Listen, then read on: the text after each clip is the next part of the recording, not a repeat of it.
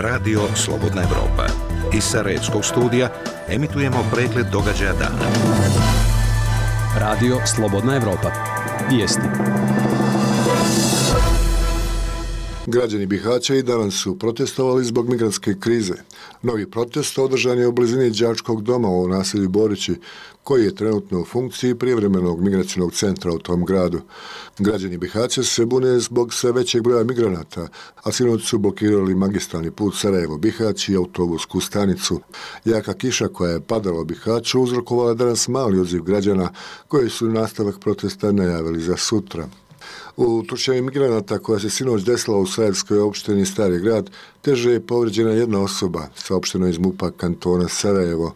U kući u ulici za Beglukom došlo je do međusobne tučnjeve i više migranata državljana Irana. Tom prilikom osoba sa inicijalima BZ zadobila je teške telesne povrede opasne po život. Ljekarska pomoć ukazana mu je na kliničkom centru Univerziteta u Sarajevu.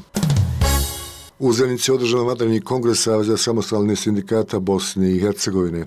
Za novog predsjednika jednoglasno izabran Zeničanin Selvedin Šatorović, za kojeg su glasali svi prisutni delegati. Šatorović je u obraćanju na vanrednom kongresu kazao kako je vrijeme da ovaj sindikat pokaže jedinstvo i da se bori protiv napada protivnika.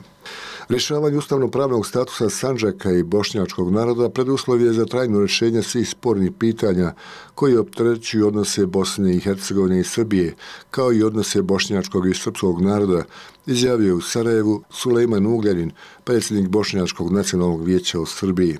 Ugljanin je bio uvodničar na sesiji Asocijacije nezavisnih intelektualaca Krug 99 o temi regionalna stabilnost i uloga nacionalnih manjina.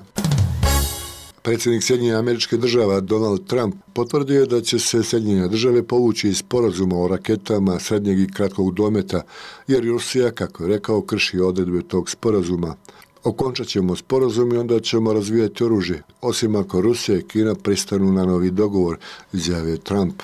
Rusija negira da krši taj sporazum, a ministarstvo vanjskih poslova je saopštilo da je američki potez motivisan američkim snom o unipolarnom svijetu sa samo jednom supersilom prenose agencije. Evropska unija se opštila da su detalji o smrti saudijskog novinara Džamala Kašogija duboko uznemirujući. Kako se navodi u saopštenju, nastavak istrage bi trebalo da donese odgovarajuće pojašnjenje o okolnostima ubistva i obezbedi potpunu odgovornost svih umješanih u ubistvo. U eksploziji bombe na putu istočnoj provinciji Nangarhar ubijeno je najmanje 11 osoba, saopštili su danas afganistanski zvaničnici. Kako se navodi bombaški napad, dogodio se drugog dana održavanja parlamentarnih izbora, koji su produženi zbog više napada tokom prvog dana i tehničkih problema koji su uzrokovali višesatno odlaganje glasanja. Jutro se u Pekraju kod Vrbavca u Hrvatskoj brzi putnički voz iskočio iz šina. Javila je Zagrebačka policija. Voz je se obraćao na relaciji Zagreb-Osijek. U nesreći nema poređeni. U voze je bilo 68 putnika. Iz Bosansko-Hercegovačkog automoto kluba javljaju da je saobraćaj teretnih vozila obustavljen zbog rekonstrukcije mosta na magistralnom putu Novi Travnik Bugojno na ulazu u Bugojno. Na graničnim prelazima zadržavanja nisu dužao 30 minuta za predstojeća četiri dana u Bosni i Hercegovini, kako najavljuju meteorolozi, prevladavat će nestabilno vrijeme s padavinama na planinama sa snijegom. Bio ovo pregled vijesti koje je pripremio Milado Bradović.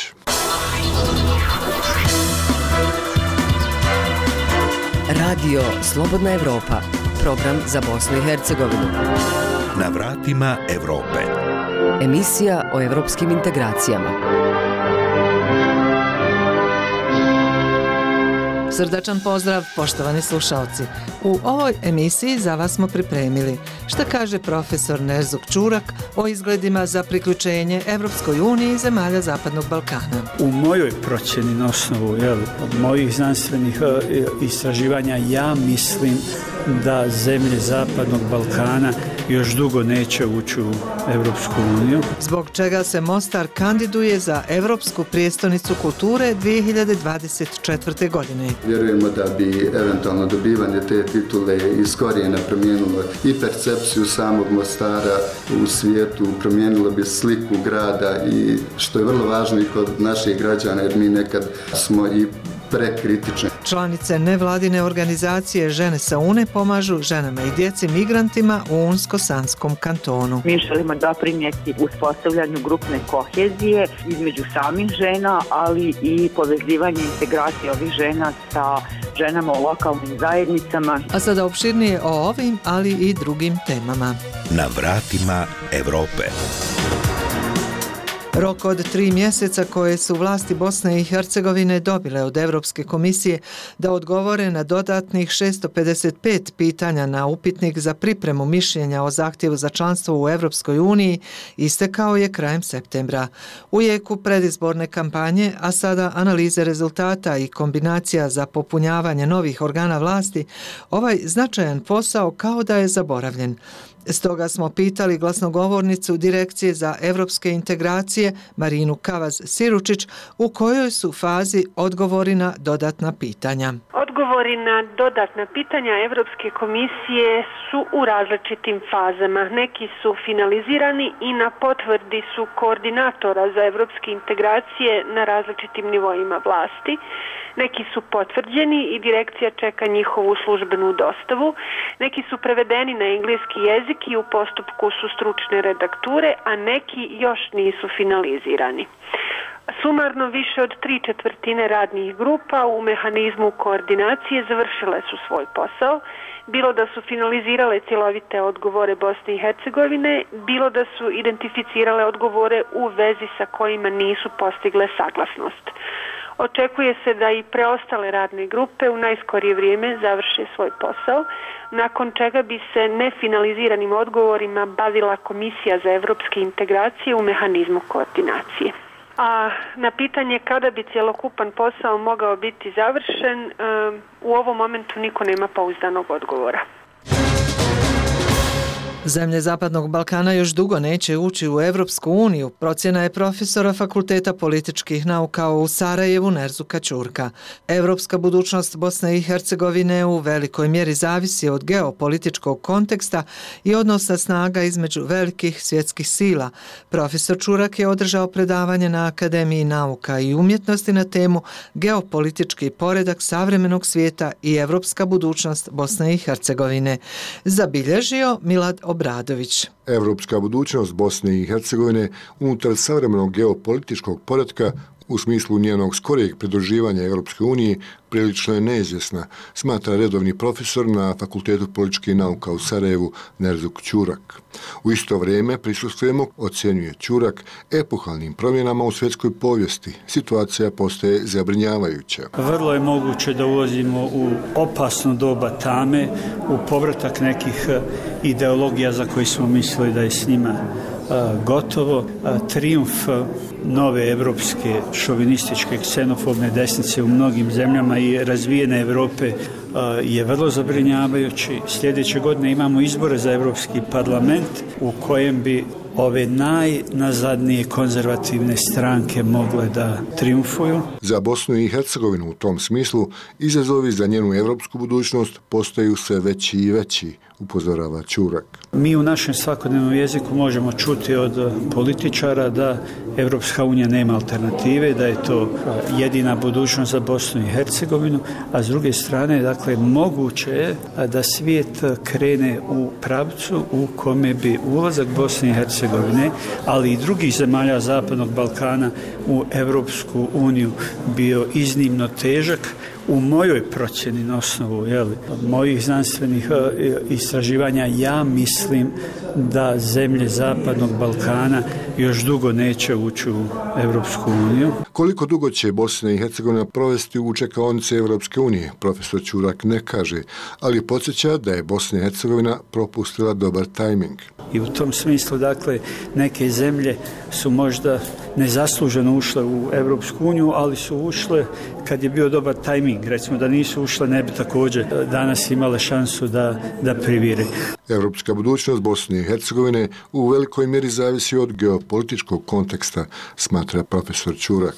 U velikoj mjeri ovisi od odnosa snaga između ključnih svjetskih sila i na naš ulazak u Evropsku uniju neće utjecati samo naš unutrašnji kvalitet, nego i realno odnos snaga između Evropske unije, Sjedinjenih država, Rusije, Turske i tako dalje. Hoćemo li mi imati unutrašnje snage i mudrosti da sve naše nesporazume i konflikte negdje, kako bi rekao, harmoniziramo i da nastupimo sa jednim zajedničkim glasom prema Evropskoj uniji. Volio bi biti optimista, ali negdje se bojim da bi lago ako to kaže. Protekli opšti izbori u Bosni i Hercegovini, koji su za profesora Čurka bili neregularni, produbljuju njegov pesimizam. Zaista neregularni. Vi ste vidjeli Dodika u noć kad je proglasio pobjedu, to je bio govor tijela poraženog čovjeka, a proglasio je pobjedu. To je meni vrlo zanimljivo. U federaciji toliko strašnih stvari.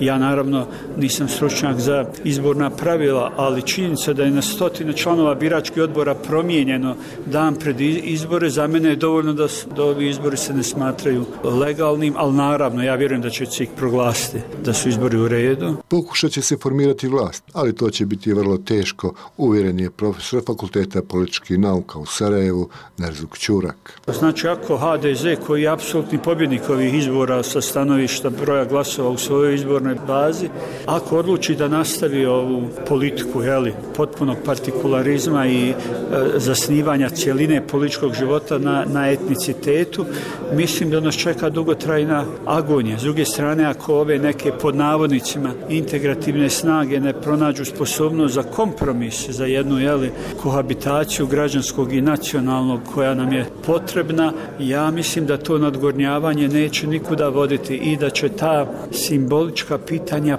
potpuno, potpuno potisnuti i zamračiti ključna pitanja egzistencije i svakodnevnog života. Reforme za Evropu. Čuli smo stručno mišljenje, a sada evo ankete u kojoj građani govore o svojim očekivanjima za ulazak Bosne i Hercegovine u Evropsku uniju. Teško je reći kada će BiH ući u Evropsku uniju.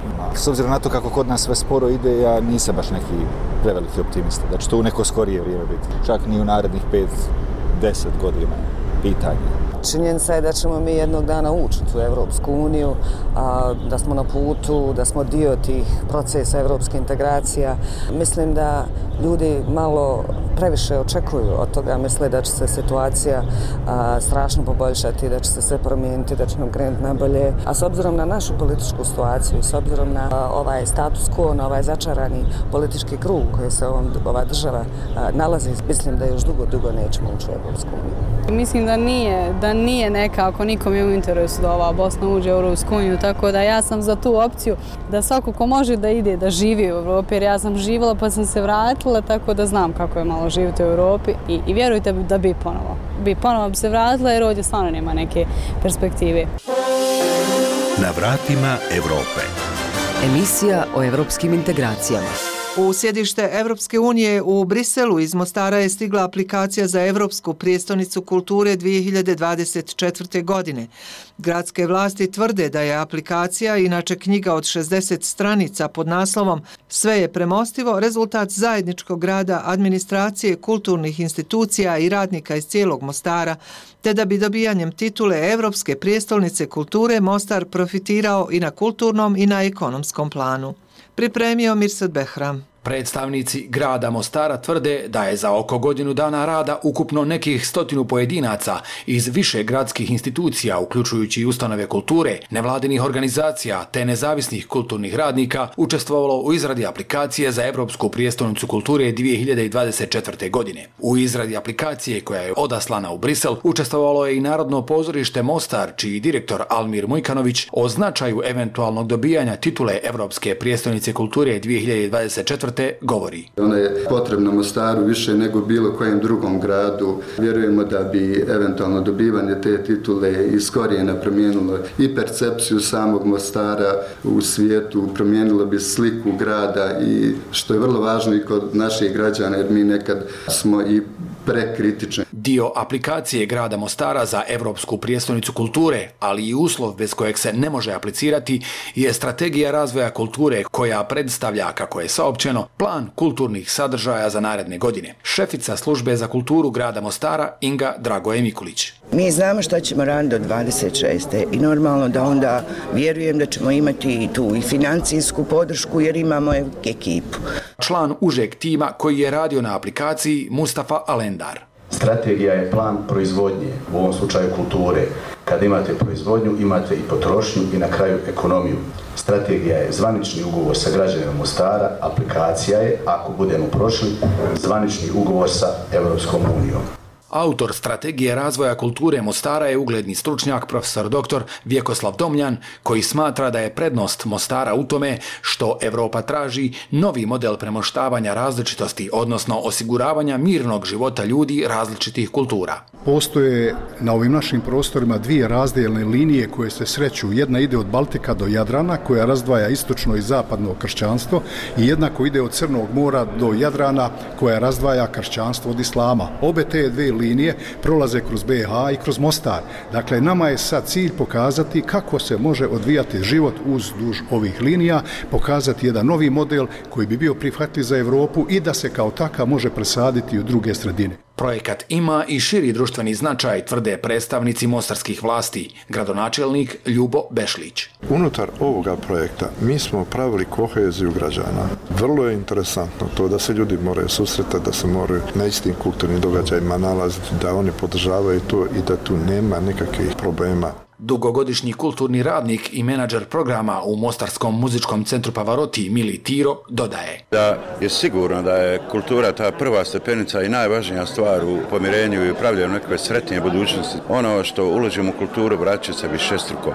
Međutim, vjeruje se da bi od dobijanja titule Evropske prijestolnice kulture 2024. Mostar imao i ekonomske koristi. O tome gradonačelnik Ljubo Bešlić govori. Mi očekujemo prosperitet u Mostaru infrastrukturnom dijelu. Mi želimo uljepšati grad. Mi želimo sadržaje kulture pojačati i njihove ustanove, opremiti na jedan kvalitetan način. Ako nas bude još usto, naša država podržala onda sam ja siguran da mi 2024. nećemo imati više ruševina u Mostaru. Sama ta činjenica bi promijenila umnogome sliku ovoga grada. Profesor dr. Vjekoslav Domljan, koji je inače ekonomski stručnjak, ističe. Moramo imati vidu da će neki grad postati evropska predstavnica ako ima mogućnosti da poveća turizam, da poveća, kako mi kažemo, noćnu ekonomiju, zabavni život i tako dalje. U tom pogledu imamo neke nove kapacitete koji, koji će biti u funkciji do 24. Nadamo se da će konačno grad dati pod koncesiju zračnu luku i da će onda Mostar prodisati i postati zaista ne samo kulturni, nego ekonomski model razvoja. Ipak, zvučalo je nevjerovatno da se za Evropsku prijestolnicu kulture kandidira grad koji je još uvijek više manje etnički podijeljen, u kojem zbog nemogućnosti dogovora ključnih nacionalnih stranaka nema lokalnih izbora, a gradsko vijeće ne funkcionira od 2012. godine. Gradonačelnik Ljubo Bešlić podsjeća da su sve stranke na nivou grada podržale projekat. Mi da imamo gradsko vijeće, sve te stranke bi imale svoje predstavnike u tom gradskom vijeću i ako su oni dali svojim potpisom, znači oni su svojom izjavom dali podršku za ovaj projekat. Bešlić vjeruje da Mostar ima šansi da dobije titulu Evropske prijestolnice kulture 2024. godine. Naše su šanse ogromne zato što smo napravili jedan veliki iskorak, što smo napravili ono što su stranci misli da je u Mostaru nepremostivo, da je sve premostivo i sa dobrim radom i dobrom suradnjom da mi možemo sve napraviti. Eurozona. Eurozona. Eurozona. Eurozona. Od početka godine do danas na područje Umsko-Sanskog kantona stiglo je preko 10.000 migranata, a najviše ih je i dalje u Bihaću. Među njima je veliki broj žena i djece. Na poseban način upravo njima pomažu aktivistkinje nevladine organizacije Žene sa UNE uz posebne programe. O njima informiše Dženita Duraković. Uz programe za djecu, odnosno formiranje mobilnih sigurnih kutaka za djecu, gdje svakodnevno rade edukativne, rekreativne, sportske i druge radionice sa najmlađim migrantima, žene sa UNE krenule su i sa projektom Zajedničke niti u čijem fokusu su upravo žene migrantice. Aida Behrem, direktorica nevladine organizacije Žene sa UNE. Želimo pričati sa ženama i razgovarati o njihovim životnim okolnostima kroz koje su prošla na ovoj migrantskoj ruti. U mnogim kulturama kad su se žene suočavale sa neizrecevim gubicima i zločinima. E, one su se sastajale i dijelile svoje iskustva na taj način podržavajući jedna drugu, u stvari pričajući tu svoju priču uz pomoć od neke od tehnika u kojima su im bile zaposlene ruke. Mi provodimo radionice sa ženama migrantkinjama koje borave u Fedri, Borićima i u sigurnoj kući koju vodi naša organizacija. Ono što u stvari želimo, među ostalog, je i da reduciramo simptome depresije koji postaje kod ovih žena, anksioznosti i potrešenosti žena izbjeglica i migrantkinja, naravno već sam rekla utvrditi njihove specifične potrebe. Ono još što je važno, mi želimo da i uspostavljanju grupne kohezije o, između samih žena, ali i povezivanje integracije ovih žena sa ženama u lokalnim zajednicama i naravno ne najmanje važno i neutralizaciji stigme. Program zajedničke niti osmislila je grupa psihologinja na sveučilištu u Geteburgu, a u nekoliko zemalja pokazao se vrlo učinkovitim. Program obuhvata kreativno izražavanje, odnosno žene na njima jednostavniji i lakši način pričaju svoju priču i prenose je na platno i to slikanjem ili vezenjem. Hašima iz Afganistana i Efat iz Irana, koji su na putu ka boljem životu zaustavljene upravo u Bihaću, kažu nam da im ovaj program i tekako pomaže da makar dok su na radionicama zaborave na sve nedaće koje ih u životu prate. Nasima Nurijastom, iz Afganistan, Ja sam Hasima. Dolazim iz Afganistana. Od 1. oktobra sam u Bihaću. Ovaj program mi se mnogo sviđa. Pomaže mi u rješavanju nagomilanog stresa i dobro bi mi došla neka mašina koja bi mi pomogla u izradi odjeće i drugih predmeta koje bi mi zaokupile ovdje. Posjedujem već određene vještine i znanja koja sam stekla učestvujući u sličnim programima tokom boravka mog u Srbiji. Iz Afganistana smo krenuli put Italije i to nam je cilj, a onda bi odlučili gdje dalje. Na tom svom putu zaustavljeni smo u Srbiji, gdje smo proveli dvije godine, a sudeći po trenutnoj situaciji izgleda da ćemo se i ovdje zadržati neko vrijeme. Ali naš cilj je Italija. Efat Sađedi hastam az Iran. Ja sam Efat, iz Irana sam. U oktobru smo stigli u BiH. Nekih desetak dana smo proveli u Sarajevu, a onda smo došli u Bihać. Jako sam zadovoljna ovim programom koji se provodi. Zadovoljna sam trenericom Irsadom. Kroz ohrabrenje koje ovdje dobijem, ispunjeno nam je vrijeme koje provodimo ovdje kroz različite aktivnosti. Najviše mi se sviđa vez. Ali pored ovog programa, ono što me posebno čini sretnom je tretman i odnos prema djeci ovdje gdje boravimo ne samo prema mom djetetu, nego svoj djeci. Osmišljen je set aktivnosti za djecu. Dok mi majke radimo na programu zajedničkih niti, kolegica naše trenerice preuzima našu djecu i s njima provodi različite aktivnosti. Edukativne, kreativne, sportske, ples, tako da jednog dana kad odemo odavde, nedostaje će mi ovo mjesto. Cilj je kroz multidisciplinarni pristup osnažiti i pomoći ženama migranticama. Članice udruženja Žene Sune prošle su obuku i certificirane su trenerice za ovaj vid terapije.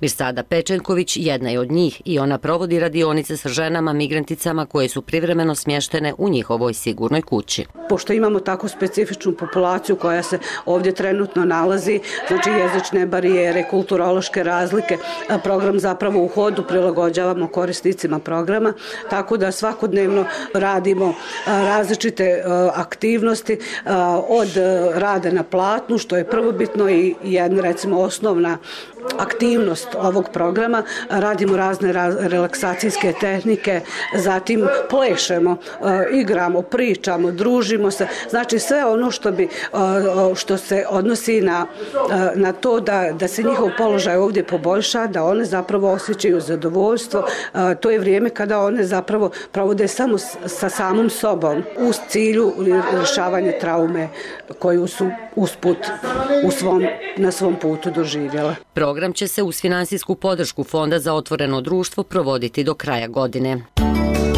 Slušate program radija Slobodna Evropa.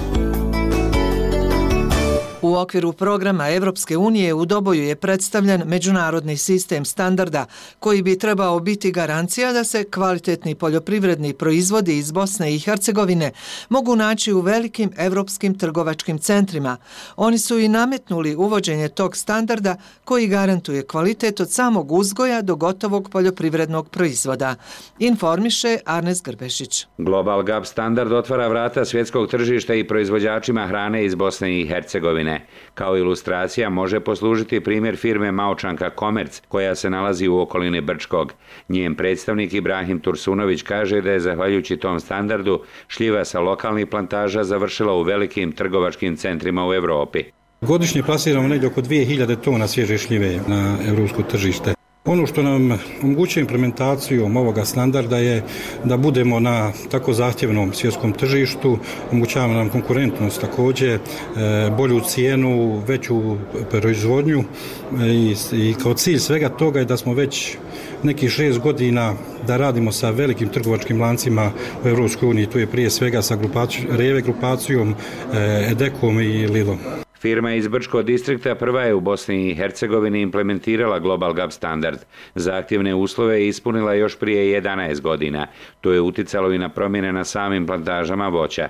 Usvajanje novih pravila bio je mukotrpan posao, dodaje Tursunović. Tada je to bio na, na razini Evropske unije, izvao se Europe GAP, danas to već prerasto u globalni sistem i naziva se Global GAP. Imamo zasnovanu, znači, proizvodnju po Global GAP sistemu na opciji 2 sa 37 kooperanata na površini negdje od 92 hektara e, za zasada šljive. E, Global GAP standard je e, osmišljen i nametnut od strani velikih trgovački lanaca koji se bave prodajom primarnih poljoprivrednih proizvoda. Radimo dosta na edukaciji proizvođača, pratimo njihovu proizvodnju, imamo savjetodavnu službu službu u sklopu firme koja prati kompletnu tu proizvodnju, znači obezbjeđujemo repromaterijal za naše proizvođače. Pa moramo pratiti regulative Evropske unije što se tiče pesticida i također regulativa naše zemlje. Global GAP standard predstavljen je u doboju u sklopu programa za lokalnu samoupravu i ekonomski razvoj koji finansiraju Evropska unija i vlada Njemačke.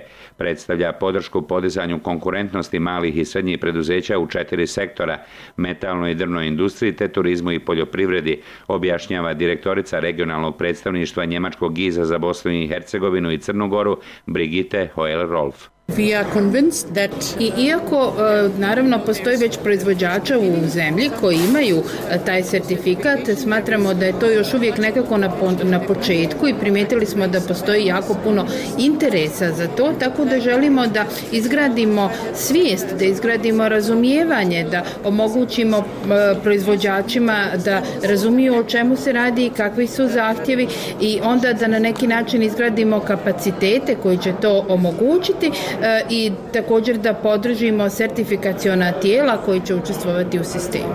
Potrošači danas žele da kupuju kvalitetne poljoprivredne proizvode, ali ih zanima i način njihovog uzgoja, ističe Brigitte Hoel-Rolf. Global Gap standard as... Mi podržavamo Global Gap zato što smatramo da je to e, veoma dobar sistem, da se unaprijedi konkurentnost e, proizvođača, a u isto vrijeme da se obezbijedi ono što potrošači svuda u svijetu, pa i u Bosni i Hercegovini sve više zahtijevaju, a to je da se osigura kvalitet proizvoda i kvalitet e, sistema proizvodnje i Global Gap obezbjeđuje oba ta aspekta. Podpredsjednik organizacije Global Gap Flavio Alzueta. E, Mi u osnovi razvijamo standarde, ti standardi su naučno zasnovani i njihov cilj je da se na minimum svedu različiti rizici koji se pojavljuju u poljoprivredi, e, kao na primjer rizici po bezbjednost hrane, po životnu sredinu i tako tako dalje. Postoji jako puno interesa među proizvođačima e, i mi imamo već 200 proizvođača ovdje u Bosni i Hercegovini i još puno u Srbiji. Još jednom predstavnik poljoprivredne firme Maočanka Komerc iz Brčkog, Ibrahim Tursunović. Svake godine se radi recertifikacija samog sistema. Do sada su radili smo sa certifikacijnim tijelima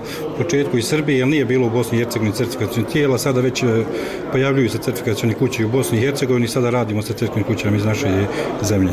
Imamo podršku od lokalne zajednice, znači finansijsku podršku od odjela za poljoprivredu u Brčkog e, distrikta koji nam svake godine kroz poticaj uključen u poticaj za certificiranje Global Gap opcija 2. Nije isto kad imate 10 kooperanata i kad imate 50, 100, znači cijena se kreće, ali sama cijena certifikata nije ono koje ti plaćaš toj crkačnoj kući, to je jedan sistem koji košta od edukacija, angažovanje, savjetodavne službe i tako.